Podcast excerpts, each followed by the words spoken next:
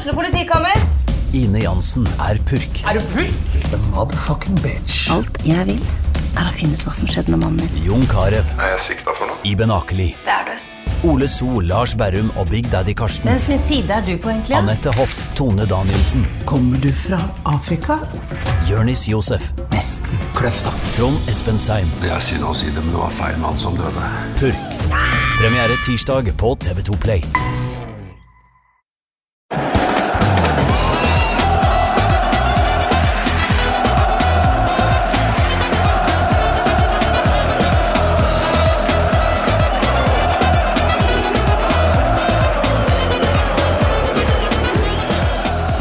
Velkommen til en ny episode av Pyro og Pivo. Jeg er en litt redusert Morten Gallaasen, og i dag så har jeg med meg Brann-supporter Lars Øen, velkommen. Tusen takk. Og Vålerenga-supporter Ole Kristian Sandvik, velkommen. God dag. Forrige helg så eh, var det jo en del sinne på norske tribuner mot uh, både VAR i seg selv, men også måten eh, VAR tilsynelatende bare har blitt prakka på uh, oss tribunegjengere. Eh, og det er grunnlag for dagens episode, men først må vi jo bli litt kjent. Og uh, Lars, uh, du var jo med i Fanzine-episoden, det var vel tidligere i år? Ja. over nett, så det er første gang vi møtes face to face. Jeg ble ikke så overraska som Ole Kristian ble, men du høres ikke ut som en Brann-supporter. Nei, jeg, gjør ikke det. Kommer fra Lier. Og, det, og da blir man Brann-fan, eller? Ja, det er ikke alle fra Lier Brann-fans. Ja, det Jeg tror aldri jeg har vært på Lier, har du?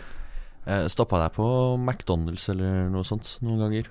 Var det et inferno av eh, Bergen ut av Norge og sånn da? Ja, veldig, det? veldig mye brannhat der. Eh, det var. Brannhat, ja. Brannhat. Ja, da må det ha vært eh, vanskelig å være ung eh, pjokk eh, på Lier, eh, Lars. Ja, det var veldig mange Lyn-supportere av en eller annen grunn. Seriøst? Ja, Masse. Hvorfor det? Uh, han Daniel Granli, Uh, Ah. Som nå spiller i Aalborg. Han spilte jo på Stabæk sånn. Men faren hans var keepertrener for Lyn, og derfor eide alle på Lyn. Det er en tynn eh, grunn, ass. Men uh, din eh, grunn til å holde på å si ikke holde med Lyn, uh, og heller holde med Brann, den holder litt mer vann uh, enn at faren til noen fra stedet var keepertrener i en klubb. Ja, jeg har en mor fra Bergen som fostra oss opp på Brann. og Brann-CD-er og kassetter og hele pakka. Og eh, vi har jo snakka litt om dette før sist du var med, men uh, du eh, Det er jo sikkert litt sånn selvoppfyllende profeti, men uh, da du først kom til Bergen, så um, Det var ikke feil for deg. Nei. Altså, jeg kunne jo tatt samme utdanning i Drammen, men jeg flytta til Bergen for å heie for Brann. Ja, her sitter Ole Kristian både klør seg i skjegget og rister på huet og sånn. Um, du er Vålerenga-supporter og fra det som regnes som riktig sted. Fra Sankthanshaugen i Oslo. Ja. Så Oslo sentrum, da. Mm. Det, det teller. Ja, det er innafor. Det har vært Vålerenga-supporter hele livet, så vidt jeg vet. Og da er det vel ikke sånn at um, Altså, det, det er ikke noen gripende familiehistorikk eller noe sånt, det bare ble sånn, eller? Moren min tok meg med på Vålerenga-Sogndal i 2003, tror jeg det var. Uh, og når vi da fikk billetter i det som var Colasvingen, eh, så var det vanskelig å ikke bli forelska i et fullsatt Ullevål med stående syngende supportere både på langsida og på kortsida. Ja, jeg, kan jo faktisk eh, kjøpe den, selv om jeg, jeg ikke er helt enig. Men eh, en ting som vi er enig i, eh, i tillegg til dagens tema, er at vi er glad i et glass. Og um, Lars, du har hatt med noe til oss, du. Ja, Hva, hva er dette for noe? det er eh, Dark Night av Hula Paloo Brewing Inc. Og det brewing-inket der, det er en svær amerikansk eh, Et konglomerat, eller? Det er en uh, gutt fra Lier og en uh, tysker. Så det er ditt hjemmebrygga, da. Ja. Uh, hva, hva slags øl er det? Det skal være en brown ale. Får håpe det ligner. Det, det ligna. Jeg syns det ligna. Det er bra. Vi, vi snakka litt om det tidligere, um, før vi kom inn i studio her, vi to. At um, det blir ofte mye jåleri og mye sånn overdrevne eksperimentell greie med, med sånne mikrobryggerier og sånn. Men du går heller for mye smak. Ja. Og det er mye smak, Ole Kristian. Ja, det var mye smak. Og mye sprut fra den eh, Ringnesen jeg åpna nå også. Ja, for det skal drikkes med begge hendene i dag. Um, så det er en Ringnes på deg og en uh, Hansa på deg, samt uh, noe hjemmebrygg uh, hos oss alle. Um, vi kan jo ta tak i, i dagens tema, for vi hadde ikke så mye å si i dag innledningsvis. Um, dere hadde jo begge aksjoner i forrige ukes kamp, eller markeringer, eller hva man skal kalle det. Um, Ole Kristian, deres fikk kanskje mest oppmerksomhet av alle i Norge. Kan ikke du fortelle litt om hva, hva som skjedde på um, deres hjemmebane forrige søndag?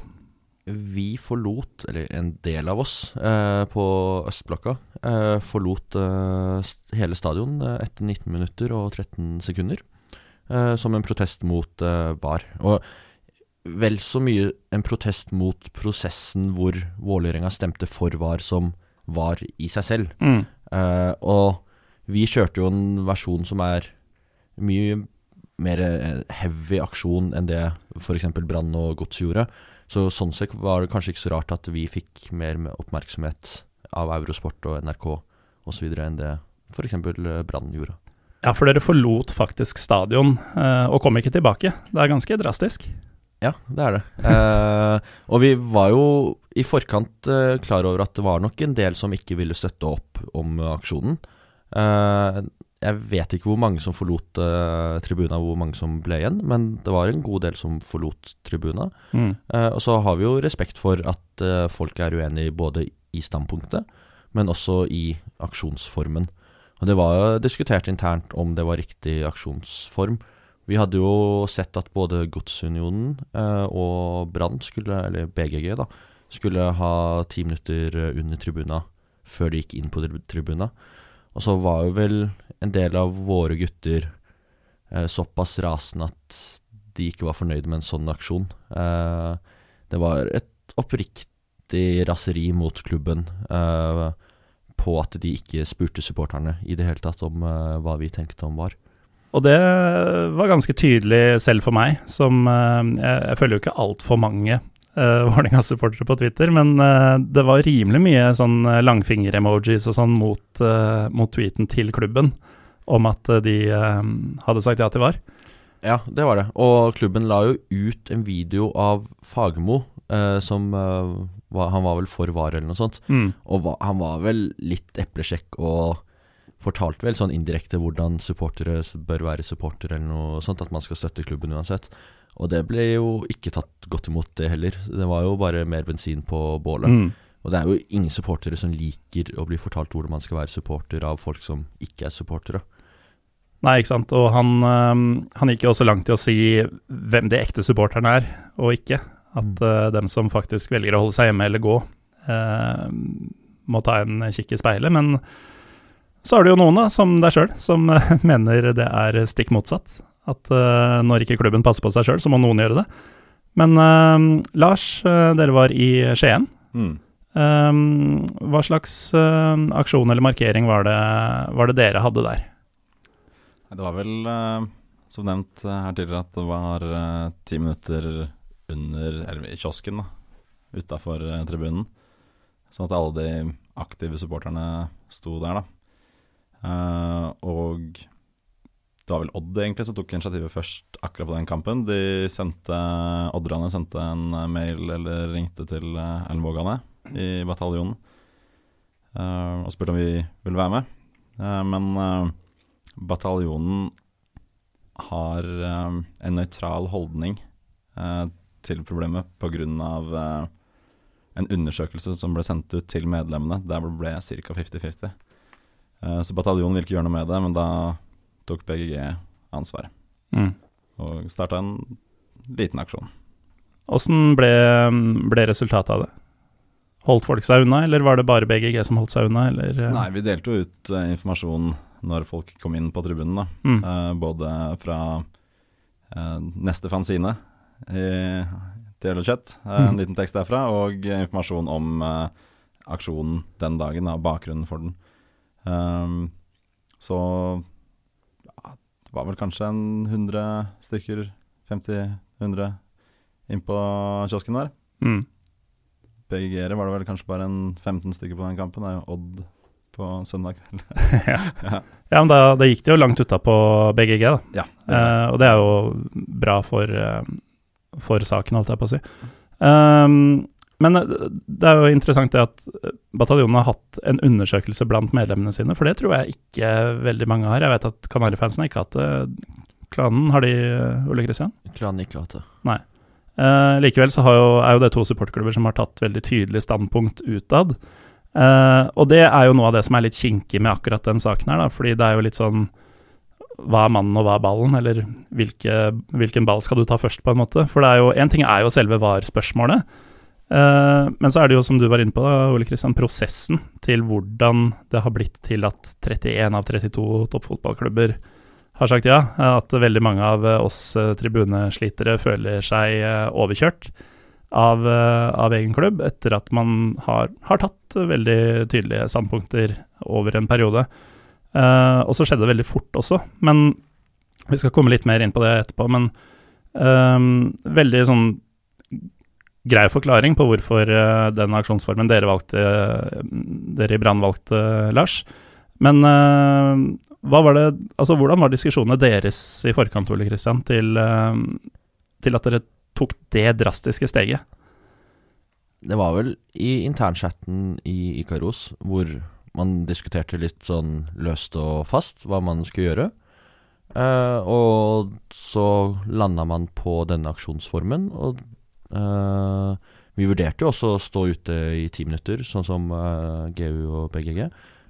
og noen andre aksjoner var vel også nevnt. Uh, var vel nevnt å ikke dra, på kampen i det hele tatt av én person, så vidt jeg husker. Mm. Uh, men lander på den aksjonsformen. Uh, tidspunktet er jo symbolsk, siden klubben er stifta i 1913. Uh, eh, og så tar vi kontakt med klanen, eller klanstyret, og forteller egentlig at dette er noe vi har lyst til å gjøre, hva tenker dere, og sånt. Og så går det vel en dag eller noe sånt før vi får beskjed at både klanen og Enga Tifo er med på det, eller klanstyret. Uh, og da utformer vi en uh, flyer som vi står og deler ut ved inngangen til tribuna og sånt. Mm. Altså, vi valgte å gå ut med det i forkant, sånn som uh, bl.a. Godsunund gjorde. Men vi tenkte at det blir kanskje mer uh, inn, uh, Påvirker kanskje mer da, og får mer oppmerksomhet hvis uh, man ikke går ut med det mm. offentlig flere dager i forkant, og at det kommer mer sånn spontant på. Men så hadde jo klubben fått nyss i det her allerede mandagen, altså nesten en uke i forkant og sånt, så det var ikke så overraskende nødvendigvis, men uh, fikk jo en del oppmerksomhet, da. Ja, jeg vil si det funka ganske bra. Uh, og så er det jo dette med at um, altså, noen dro og noen gikk, sånn vil det jo være, og igjen, da, så er det jo et spørsmål om er dette en, Handler det om VAR, eller handler det om Eh, medlemsdemokrati og, og, prosessen. Og det er jo litt sånn eh, Altså, det er jo veldig polariserende, kanskje, fordi det er en del folk som tenker at eh, altså, Veldig mange av de som ser på våre lag, eller ser på norsk fotball i det hele tatt, ser også på f.eks. engelsk fotball, eller tysk fotball, eller italiensk fotball, eller ligaer hvor VAR er en greie. Champions League, altså alt mulig. Uh, og tenker at nei, dette er egentlig dette har jeg enten ikke noe forhold til, eller jeg syns det er ganske bra. Altså, de folka fins jo, Uh, og er jo tilsynelatende ganske mange, i hvert fall skal vi tro deres eh, undersøkelse i Bergen, uh, Lars. Uh, og da blir det jo litt sånn derre For min del så er var fotballens undergang. For andre så er det liksom deilig å få bukt med de verste dommerfeilene. Eh, og da blir det jo sånn Hvis VAR blir spørsmålet i supportermiljøet, så vil du jo få en sånn splid internt Uh, og da er jo spørsmålet kanskje sånn Skal man ta VAR-kampen innad i miljøet sånn isolert sett, eller skal man ta det som et ledd i et større bilde av en utvikling vi ikke ønsker? Uh, nå sitter jeg egentlig bare og fabler, men uh, du var litt inne på det i stad, Ole Kristian. Det handler jo ikke bare om VAR, den aksjonen dere gjorde nå.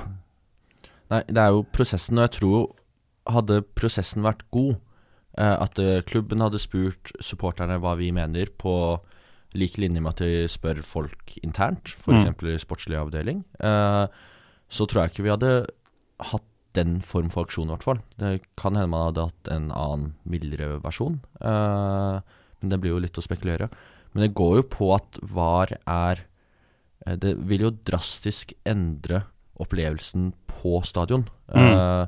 fordi det vil Uh, eller har potensial i hvert fall, til å ta bort veldig mye av spontaniteten når du scorer. Uh, altså hvis nå Vålerenga scorer uh, nå, så ser jeg fort på dommeren eller linjedommeren om de markerer for offside eller noe sånt. Hvis de Mm. ikke gjør det, så er det mål, på en måte. Mens nå kan det gå fort ett-to minutter etter at de markerer for mål, og så blir det plutselig dømt frispark midt på banen eller noe sånt. Ja. Og det, det vil nok ta bort mye av spontaniteten. Og Mm. da, det burde vært innlysende for klubben at de spør supporterne når det er noe som vil påvirke oss så mye. Og Vålerenga har jo det siste året brukt eh, litt ressurser på å få flere nye medlemmer. Eh, Vålerenga er ganske få medlemmer i forhold til sånn Brann og Rosenborg, som er ordentlig medlemsstyrte klubber. Lillestrøm har jo sikkert en god del medlemmer også. Mm. Eh, og da er det jo Det burde ligge i ryggmargsrefleksen til styret å spørre supporterne eller, og eller medlemmene eh, når det angår dem i en så stor og viktig sak. Eh, og det gjorde de ikke. Og da, da blir det jo bråk, da. Og så har jo Tuva, som er styreleder, eh, har jo tatt selvkritikk på prosessen, ikke på standpunktet. Og det er jo, ja, det er jo fair. Jeg mener jo sånn, jeg er mot VAR, men det finnes jo argumenter for å innføre VAR også. Eh, så mener jeg bare at de ikke er gode nok versus de argumentene Mm. vi har på vår side. Men eh, nei, det er prosessen som har liksom vært veldig skuffende i det. Jeg tror de fleste supportere har visst at VAR kommer til Norge på et tidspunkt, eh, dessverre. Ja, men eh, jeg ser du nikker, Lars. Altså, jeg, jeg tror vi alle har visst at en eller annen gang kommer det. Men jeg, jeg opplevde det litt sånn at uh, man legger seg på onsdag, og så er det plutselig sånn at det er nesten enstemmig enighet blant norske klubber om at ja, dette gjør vi når du våkner torsdag. Det, det gikk fryktelig kjapt, dette her. Fra å være et luftslott til, uh, til å være noe som ja, kommer til å komme om bare et eh, drøyt år. Ja. Jeg skulle si et eller annet, så jeg bare glemte det helt. Ja, Eh, det er sterk, denne brown-halen din. Nei, men altså, det, det, det har gått veldig fort i svinga her, da. Og det mm, jeg, Altså, med tanke på videoen uh, Fagermo la ut, eh, og de tweetene til Vålinga og dette medlemsmøtet som eh, ble innkalt til eh, ganske kjapt etter at de fikk nyss i at det skulle skje ting og sånn. Eh, jeg tror det er en del klubber som har fått litt sånn uh, aha-opplevelse uh, om at uh, at eh, det her Dette kunne vi kanskje gjort annerledes. Ja, og så tenker jeg Det var det jeg egentlig skulle si i stad. Um, vi så jo denne her egentlig komme. Vi burde jo vært mer forberedt. Mm. Uh, både supporterklubber og klubber uh, burde jo egentlig sett det her for lenge siden. At ok, vi må ta et standpunkt før det her faktisk blir et tema. da. Uh, og kanskje NSA også burde vært litt mer på banen uh, i forhold til det. For det er ikke sånn at uh, vi tror at det her kommer om ti år, liksom. Vi, vi visste at det kommer til å bli en diskusjon ganske, ganske snart. da. Ja, det gjorde vi jo, i hvert fall etter at TV 2 har kjøpt rettighetene. For det er jo de som har sagt uh, at de kan stå for uh, selve VAR-produksjonen og sånn. Uh, og da begynner jo klokka å tikke, siden de skal jo tross alt ta over rettighetene på et gitt tidspunkt. Men det er jo altså At det skulle komme, og at ja, vi burde vært bedre forberedt på det og sånn. Er det noen som tenker at det kan være litt derfor? At det bare ble hasta gjennom sånn? For at man ikke skulle få muligheten til å skape den eh, Den eh, Altså mobiliseringa som Supporter-Norge har hatt i forbindelse med Qatar, f.eks. Eller er det jeg som blir konspiratorisk her? Det er jo lett å tenke sånn, da. Eh, og så er jeg jo på en måte enig i at vi burde som supporter vært bedre, bedre forberedt. Eh, når vi hadde årsmøter i eh, ja, eh, fjor, nei, i år, i sånn februar, mars, april, når klubben hadde årsmøter, så var jo veldig mye av fokuset vårt på Qatar. At vi skulle få klubbene våre til å gå inn for en boikott. Men i samme slengen så burde jo gått inn for at klubbene våre skulle være mot VAR. Fordi vi visste allerede på daværende tidspunkt at VAR ville bli en aktuell diskusjon Mm. på et tidspunkt. Uh, så vi kan ta selvkritikk uh, der. Uh, og så, eh, som talsperson i NSA, uh, så har jo jeg vært litt inne i prosessen tidligere. Jeg var på et møte i sommer med bl.a. Uh, NTF om VAR uh, og litt prosessen og sånt. Og det var, i, var vel i forbindelse med det møtet i sommer hvor NSA sendte ut en undersøkelse til våre medlemsklubber, altså bataljonen eh, klanen, kjernen osv. Uh, og vi lagde en undersøkelse som de skulle sende ut til sine medlemmer, altså individene. Mm. Og det er jo den undersøkelsen som uh, har gjort at bataljonen er nøytral, da. Uh, nå husker jeg ikke tallene helt i huet der, men uh, det er et flertall av norske supportere, altså individer, som er mot VAR. men det er en god del som også er for VAR. Mm. det må jeg være ærlig på å si. og så kunne nok NSA vært enda mer på VAR-debatten tidligere. sånn sett litt sånn kort tid i ettertid. men det går jo også veldig mye på det at man har 24 timer i døgnet. Det er frivillig verv for veldig mange, Ja, ja. uh, og så videre også. Uh, men nei, vi burde vært mer på veldig tidlig i år som supportklubber på våre årsmøter. Uh, for de hadde årsmøte i Vålerenga fotballelite gått inn for å ikke innføre VAR, Mm. så kunne ikke styret innført VAR, eller stemt for VAR, i det møtet i midten av oktober. Uh, men jeg tror nok prosessen i disse styrene har gått veldig fort òg. Jeg sendte en SMS til uh, styreleder i Vålerenga 1.10 og spurte om de hadde diskutert VAR, og det hadde de ikke i styret. Mm. Og jeg, når var denne avstemningen? I midten av oktober eller noe sånt? ja, noe sånt.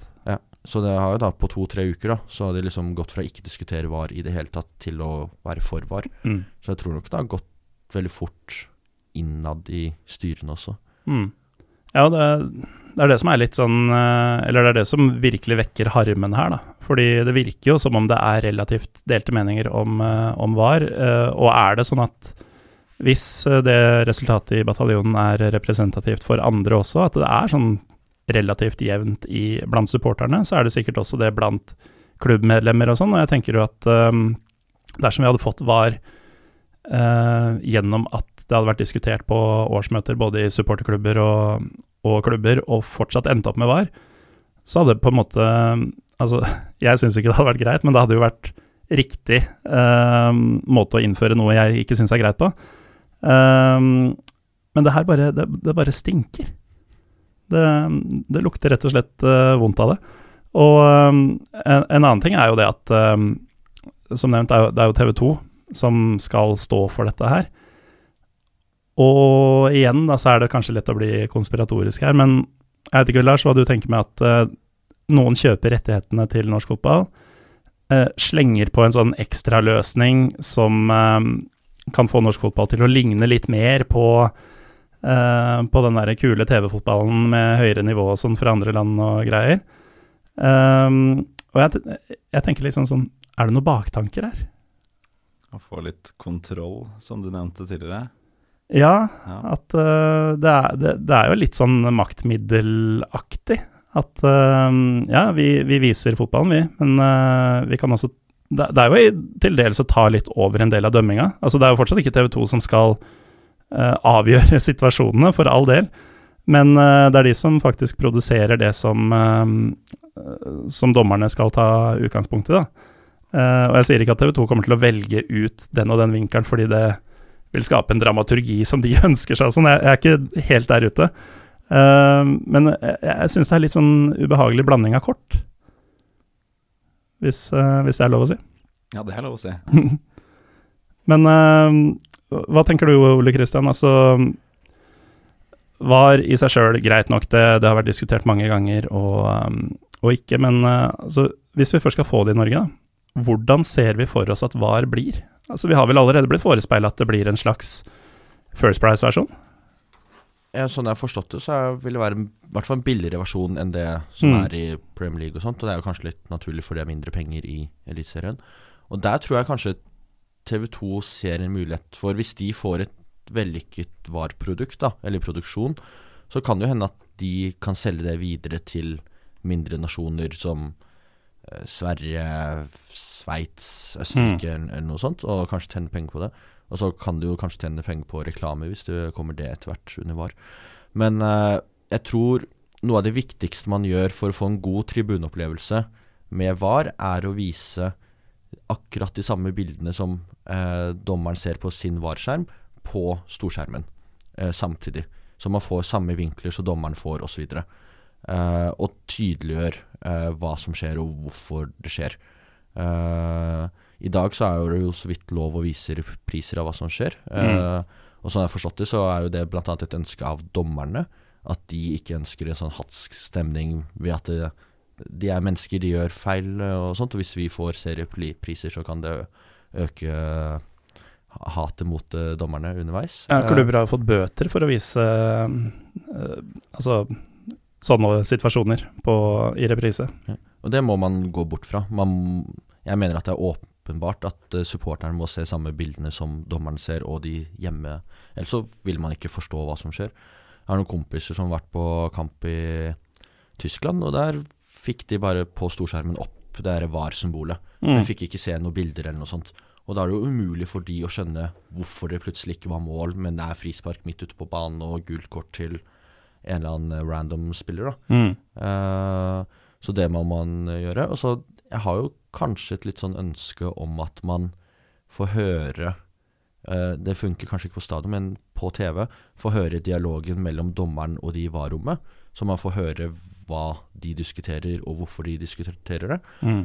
Og så må jo da også TV-kommentatorene greie å forklare hva som skjer på en god måte for de som ser på TV-en og sånt da. Men uh, jeg tror det å få opp live-feeden på storskjerm er helt sentralt for at vi som stående syngere supportere skal få med oss hva som skjer. Men det er jo i så fall en vesensforskjell, eh, Lars, fra måten storskjermen har blitt brukt i Norge i alle år. Altså, Vi har jo ikke hatt lov å vise kontroversielle situasjoner, og stort sett så bruker jo folk bare, eller klubber bare skjermen til å ha et altfor stort sånn scoreboard. eh, til da at man skal stå og nistirre på den i to minutter etter at man egentlig jubla for en scoring og sånn.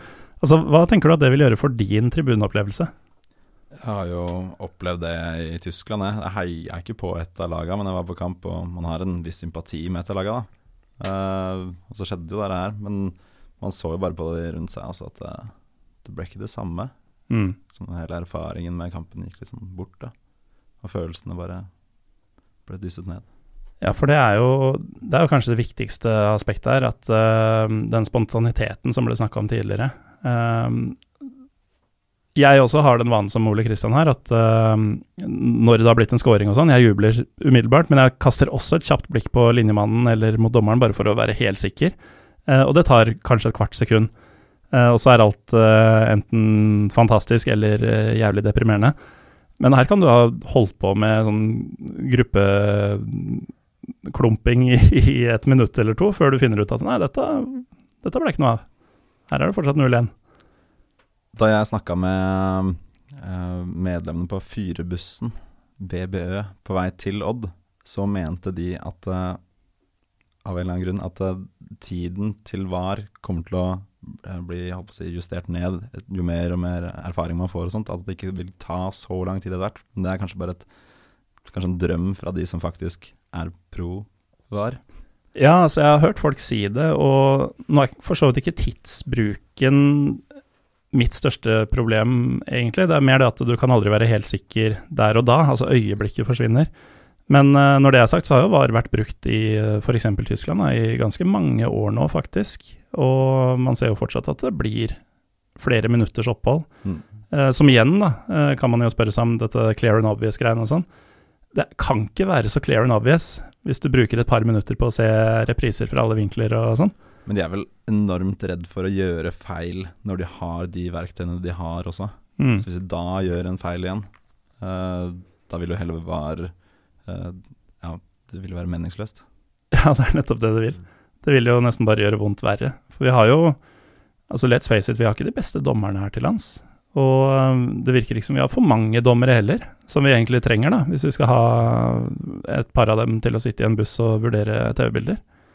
Det Det er jo eh, Svein Erik Edvardsen eh, har vært veldig opptatt av det på Twitter. Liksom, hvem som skal være disse VAR-dommerne som sitter i bussen, eller eh, Som jeg forstår det, så skal det bli et sånn VAR-rom i Oslo eller Bergen eller noe sånt. mm, Eh, og det er jo ikke de beste dommerne som skal være der, for de skal være ute på matta. Eh, så da er det jo fort liksom kanskje de beste fra Obos, eller nest best fra Obos, eh, som skal sitte i det VAR-rommet. Eller skal du liksom hente ned sånne eh, dommere som er lagt opp som Tom Henning, Henning i Øvrebø eller noe sånt. da. Det kan jo være et alternativ. Men jeg, jeg har jo jeg har jo såpass tro at de greier å utdanne folk bra nok. Eh, men det største problemet med norske dommere i dag er jo at de er jo ikke gode nok. Eh, de har en jobb ved siden av. Eh, eh, det hadde vært veldig enkelt å gjøre de til fulltidsdommere, eh, flere av de. eh, som et første steg for å få bedre dommere. Og vi har jo opplevd at dommere har sittet etter kamp og sett på bilder og repriser eh, hvor det er åpenbart at de dømte feil Mm. ute på matta, og ikke innrømmer feilen. Ja. Og da er jo spørsmålet hvor, Hvis de ikke greier det etter kampen, hvorfor skal de greie det å gjøre det eh, dømme riktig plutselig under kampen, mm. når de ser de samme bildene på nytt, når de fortsatt er litt sånn der andpusten, og det er litt sånn hett rundt dem og sånt, og ikke greid å puste og roe seg ned i garderoben. Uh, det er litt sånn uh, skeptisk til at eh, VAR vil fikse alle de problemene som er i norsk fotball med norske dommere i dag. Ja, og så er det jo litt det med at nå skal man bruke pluss-minus 20 millioner kroner på dette her. Og det føles som om det er ganske mange steder det skorter i norsk fotball, som man fint kunne brukt pluss-minus 20 millioner, da. F.eks. utdanning, eh, kompetanseheving av, av dommerne som er. Men eh, det velger man da å ikke gjøre. Og så er det jo da eh, Hvis det skulle bli sånn at det er litt dårligere dommere fra divisjonen under, eller om det er dommere som er litt sånn ja, utgått på dato, bokstavelig talt, som skal sitte i den bua. Når dommerne da, som du sier, ikke kan ta selvkritikk på ting etter kampen, har de da Kan stoltheten komme i veien for at de tar imot korreks fra folk som de kanskje ser på som dårligere enn seg sjøl?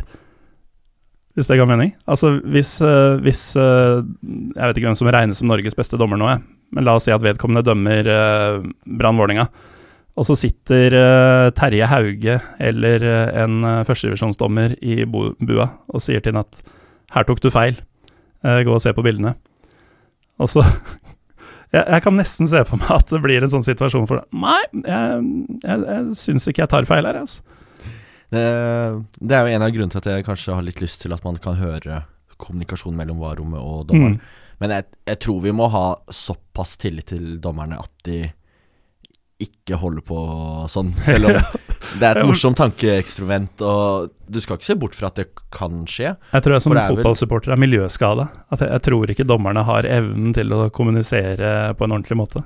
Men det er jo i bunn og grunn, eller til slutt, så er det jo dommeren som bestemmer om det er rødt kort eller ikke. Det er jo ikke de som sitter i varerommet, sånn jeg har forstått det. Mm. Uh, så ja, vi får nå se. Men vi må ha såpass tillit til dommerne at de har integriteten til å ikke tenke at han i VAR-rommet er en dårligere dommer enn deg, og dermed har du rett uansett.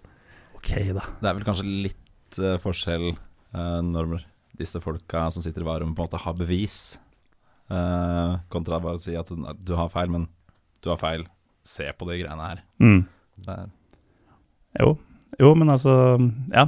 Nei, vi, vi får satse på at det går bra til slutt, på en måte. Men um, altså, det, det blir jo en veldig forskjellig eh, stadionopplevelse fra det vi alle tre, eh, og alle som hører på for så vidt, er oppvokst med. Ehm, og det vi veit, er jo at spontanitet blir, eh, blir vanskelig å holde, holde ved like. Og så kan det gå én av to veier. Altså vi, jeg har også opplevd det VAR-situasjoner i utlandet hvor man blir bare stående og vente i sånn Man aner ikke verken hva det er blåst for, eller hva de ser på, eller noe sånt. Eh, og den er utrolig frustrerende. Så hvis man da skulle sett noe sånn silver lining-variant her, da, så er det jo sånn at hvis de faktisk kunne snudd på dette med bruken av, eh, av skjermer, som du har vært inne på, Ole Kristian, at uh, man faktisk får se hva som foregår, og enda bedre, får høre hva som foregår, uh, så vil jo det gjøre det noe mer spiselig, i det minste. Uh, men det vil fortsatt, i hvert fall for min del, da, være vanskelig å ikke ta dommerens uh, første pek ut mot uh, midtstreken eller straffemerke, eller hva det skulle være, eller dommerens manglende flagg eller reiste flagg, alt ettersom, for god fisk. Altså det, det går så imot uh, mine supporterinstinkter og stadiongåerinstinkter at Nei, det, det er tunge tider i vente. så ser man på en måte det at eh, alle stedene som har VAR, der lener dommeren seg litt på VAR. Så Mm. det dette flagget som ikke har kommet opp, de, de tar ikke flagget opp fordi de veit det at hvis, hvis det ikke er offside, så fikser de det med VAR, da. Ja, det er jo en føring som har kommet med VAR. At uh, i disse tvilstilfellene så skal ikke linjemann ta opp flagget før situasjonen er avklart. For hvis det blir scoring, så skal ikke det være feilaktig Altså da, den situasjonen skal få leve i fall det blir scoring, da. Og så kan man ta det bort etterpå. Og det er jo helt idiotisk, fordi noen ganger så er det jo 20 meter offside, det er mm. åpenbart. Men det er plutselig en stor målsjanse fordi han har stått og fiska. Og da mm, Altså, det er jo bare et tidsspørsmål før det blir skader også på den forsvarsspilleren som må ta den plutselige, meningsløse spurten hjemover for en strekk som holder han ute for en måned, liksom. Men um, nok om det. Vi har ikke VAR her ennå. Det vi har, er derimot en helg som er ganske innholdsrik for deres lag. For uh, dere har jo i praksis to lag hver som skal møte hverandre på, på søndag. Litt sånn uh, Det var du som påpekte i forkant, Ole Kristian. Litt sprøtt egentlig at jeg inviterer akkurat dere to et par dager før, før Vålerenga-Brann både i damecupfinale, det er riktignok Vålerenga Sandviken på papiret, men det er bare et tidsspørsmål, vel? For det Ja, de blir jo Brann om ikke lenge. Ja. Og så er det seriekamp mellom de samme lagene litt seinere samme dag.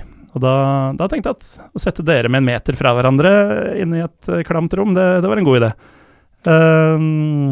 ser du fram til søndagen, Lars? Nei. Brann har vært utrolig dårlig. Men ja, de har fått litt, uh, en litt bedre høst enn en sommer og vår, da. Så det kan jo hende at det blir bra likevel. Det er jo ikke bare resultatet, det er jo alt rundt vi i rommet her kanskje ånder å leve for. Mm. Ja, og sånn sett kan det bli en uh, artig, um, artig, kamp. Selv om du, du skal jo ikke ta hele turen fra Bergen, som mange sikkert vil tenke å, så deilig at den slipper det. Men jeg har skjønt det sånn at dere skal okkupere toget fra Bergen, så er det litt synd å gå, gå, glipp av det, kanskje? Ja, det er jo noen som skal med tog når det er 199 for billetten. Ja. Det er veldig gøy med togturer. Eh.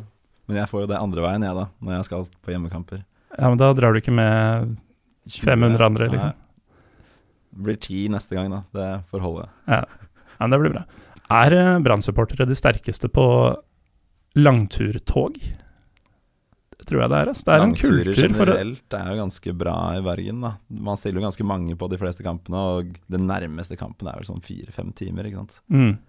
Ja, men jeg har inntrykk av at det er ordentlig kultur for å sette seg på morgentoget når man skal til Østlandet, eller ja, kanskje først og fremst Østlandet, uh, i Bergen. Det, det, er ikke sånn at folk Hvor ofte organiserer man liksom at 100 stykker skal ta samme toget til Bergen, eller til Trondheim, eller til Stavanger, Ole Kristian? i frykt for å si noe feil. Eh, ikke så ofte, tror jeg. Eh, vi pleier å ha busser som går, da. Klanen har jo alltid en buss som går uh, uansett til alle bortkamper. Ja, ja, men det er det jeg mener. Å ta toget i stedet. Det er det Toget er jo noe, er noe litt annet, uh, sånn egentlig. Og det er jo det Brann har holdt på med eh, siste bortkampene, er jo imponerende. måten de mobiliserte mot Mjøndalen, måten de mobiliserte hjemme mot Stabæk og sånt. Der tror jeg jo jeg tror andre supportklubber har litt å lære der nå etter pandemien. Eh, jeg har vært nå og denne uken snakket for Obos-klubbene og forrige uke for eliteserieklubbene om hvordan få folk tilbake på tribuna. Uh, og jeg tror jo sånn Det er nok mye klubbene kan gjøre, og forbundet og norsk toppfotball og sånt kan gjøre. Men veldig mye av jobben med å få folk tilbake på tribunen er, må vi som supportere gjøre selv. Spesielt med det å skape en kultur og dra på bortkamper og sånt. Og der har uh, Brann vært uh, sterke siste ja, måneden. Det er nok en litt uh, mer aktiv et litt mer aktivt styre i bataljonen enn det det var før, kanskje. Mm. at man rett og slett går ut og gjør ja, har tiltak, da. Men om det er plakater, om det er å skrive til alle vennene man har på Facebook, eller hva det er, så blir det litt grann flere folk, i hvert fall. Man får ting gjort. Og det er jo, selv om dere selvfølgelig hater hverandre, så eh, er det jo gøy Ole Kristian, å vite at det, det blir masse folk på bortetribunen på søndag. Ja, ja. Det er jo mye morsommere å dra på kamp når du vet det blir en tribunkamp, enn når du, hvis du møter si Mjøndalen, som liksom har tre stående syngende supportere på noen kamper. Det, det er jo noe med tribunstemninga som er Det er noe spesielt når du vet du får kamp. Uh, om det er på uh, TIFO-fronten før avspark, om det er uh, liksom på lydnivået, eller om det er et annet sånn barometer, så gjør det noe med holdningen du selv går inn i den kampen med. Apropos Mjøndalen. Det er mulig jeg så feil, altså. Men uh, på høydepunktene fra Mjøndalen-Kristiansund her om dagen, så virka det som at det var helt tomt bak uh, borteseksjonen. Altså, sånn det så ut, så var det null bortesupportere fra Kristiansund på Mjøndalen borte. Og jeg skjønner det, det er Mjøndalen og det er midtuka, men null? Men var det så mange hjemmesupportere der? Mm, det, det, det, var mer enn null, da. ja, Men, det er jo ikke de største sånn, publikumslaga, det er det ikke. Nei. Og Kristiansund er jo en ganske sånn Det er jo en ny klubb, eh, hvert fall sånn supportmessig. Og de har jo, på hvert fall på hjemmekamper, så har de jo greid å skape sin form for kultur. Eh, men det er jo det å få denne kulturen med å dra på bortkamper, da.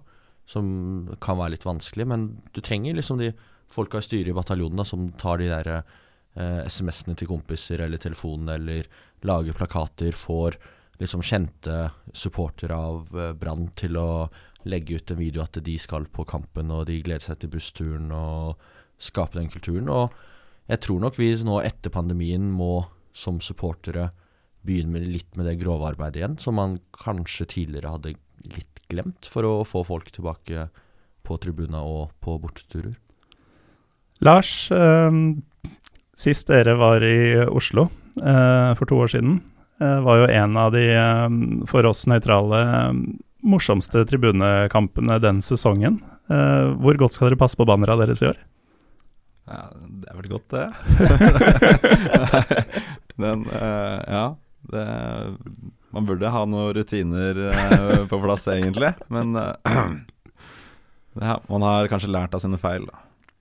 Ja, Det blir spennende å se. Uh, har dere lært noen nye triks uh, hvis de har lært av sine feil, Ole Kristian?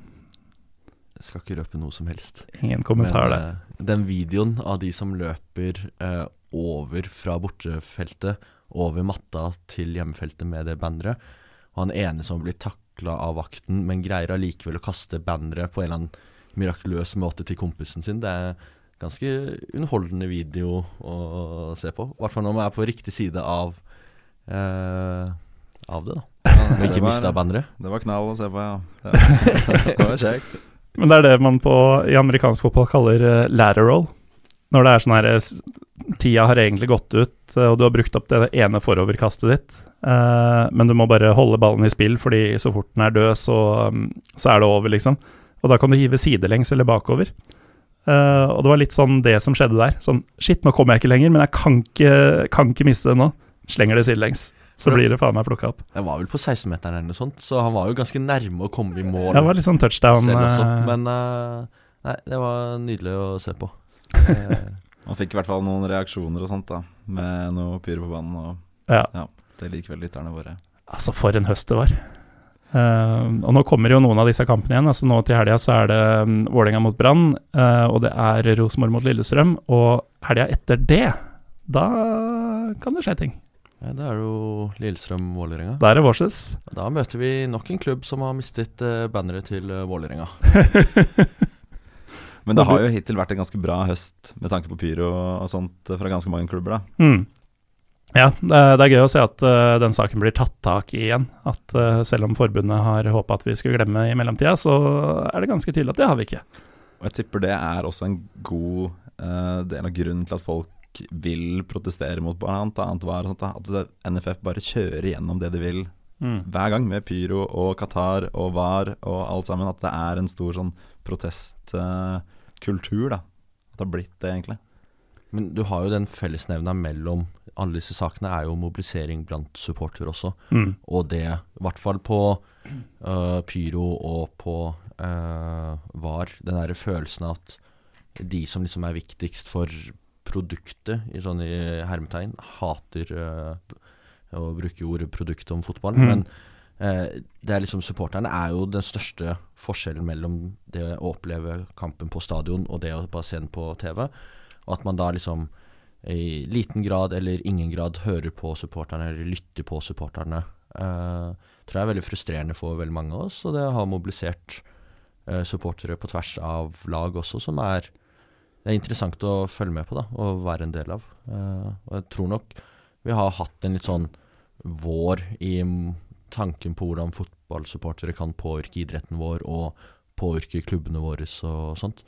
Det er jo nå ja, nærmer oss en eh, ny sånn årsmøtesesong, og Mm. plutselig kommer det masse forslag der fra supportere som blir vedtatt og vil endre klubbene sine. Ja, det nærmer seg veldig, og um, kan jo, altså apropos det, sånn hvor mye makt man faktisk kan ha, da. Så er det jo en tidligere Pyro Pivo-gjest, eh, sikkert fremtidig også, eh, som sikkert du kjenner godt, eh, Josh Di Placito. Han er jo tysk, og sendte inn sånn vedtektsendringsforslag til VfL Bochum, altså Bundesligaklubben Bochum. Den ble riktignok litt tweaka på, men den gikk igjennom ganske nylig. Så um, supportermakt eh, er en greie som folk skal være bevisst på. Fordi veien fra tribunen til å faktisk gjøre en forskjell, den er mindre enn man tror.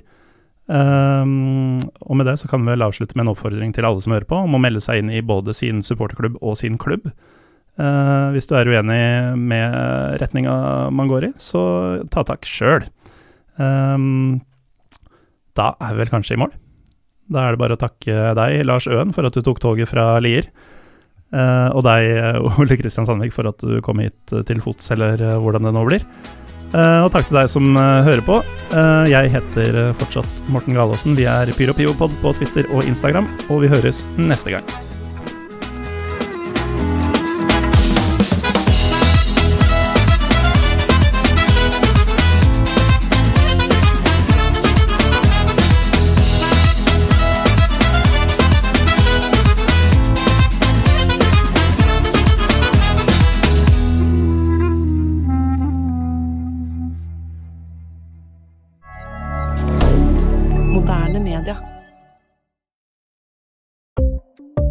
Ukens annonsør er HelloFresh.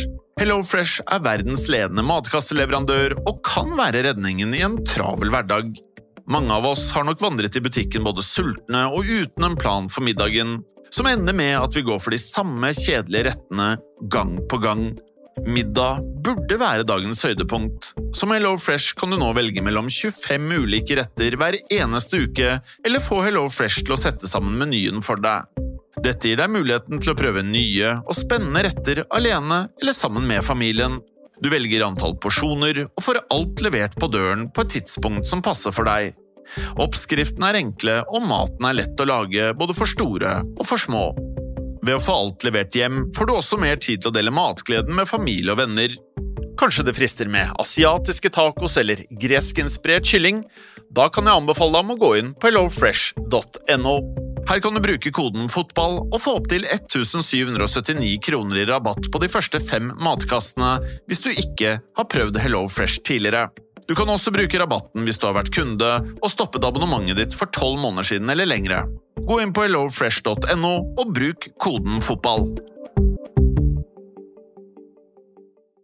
Har du et enkeltpersonforetak eller en liten bedrift? Da er du sikkert lei av å høre meg snakke om hvor enkelt det er med kvitteringer og bilag i fiken, så vi eh, gir oss her, vi.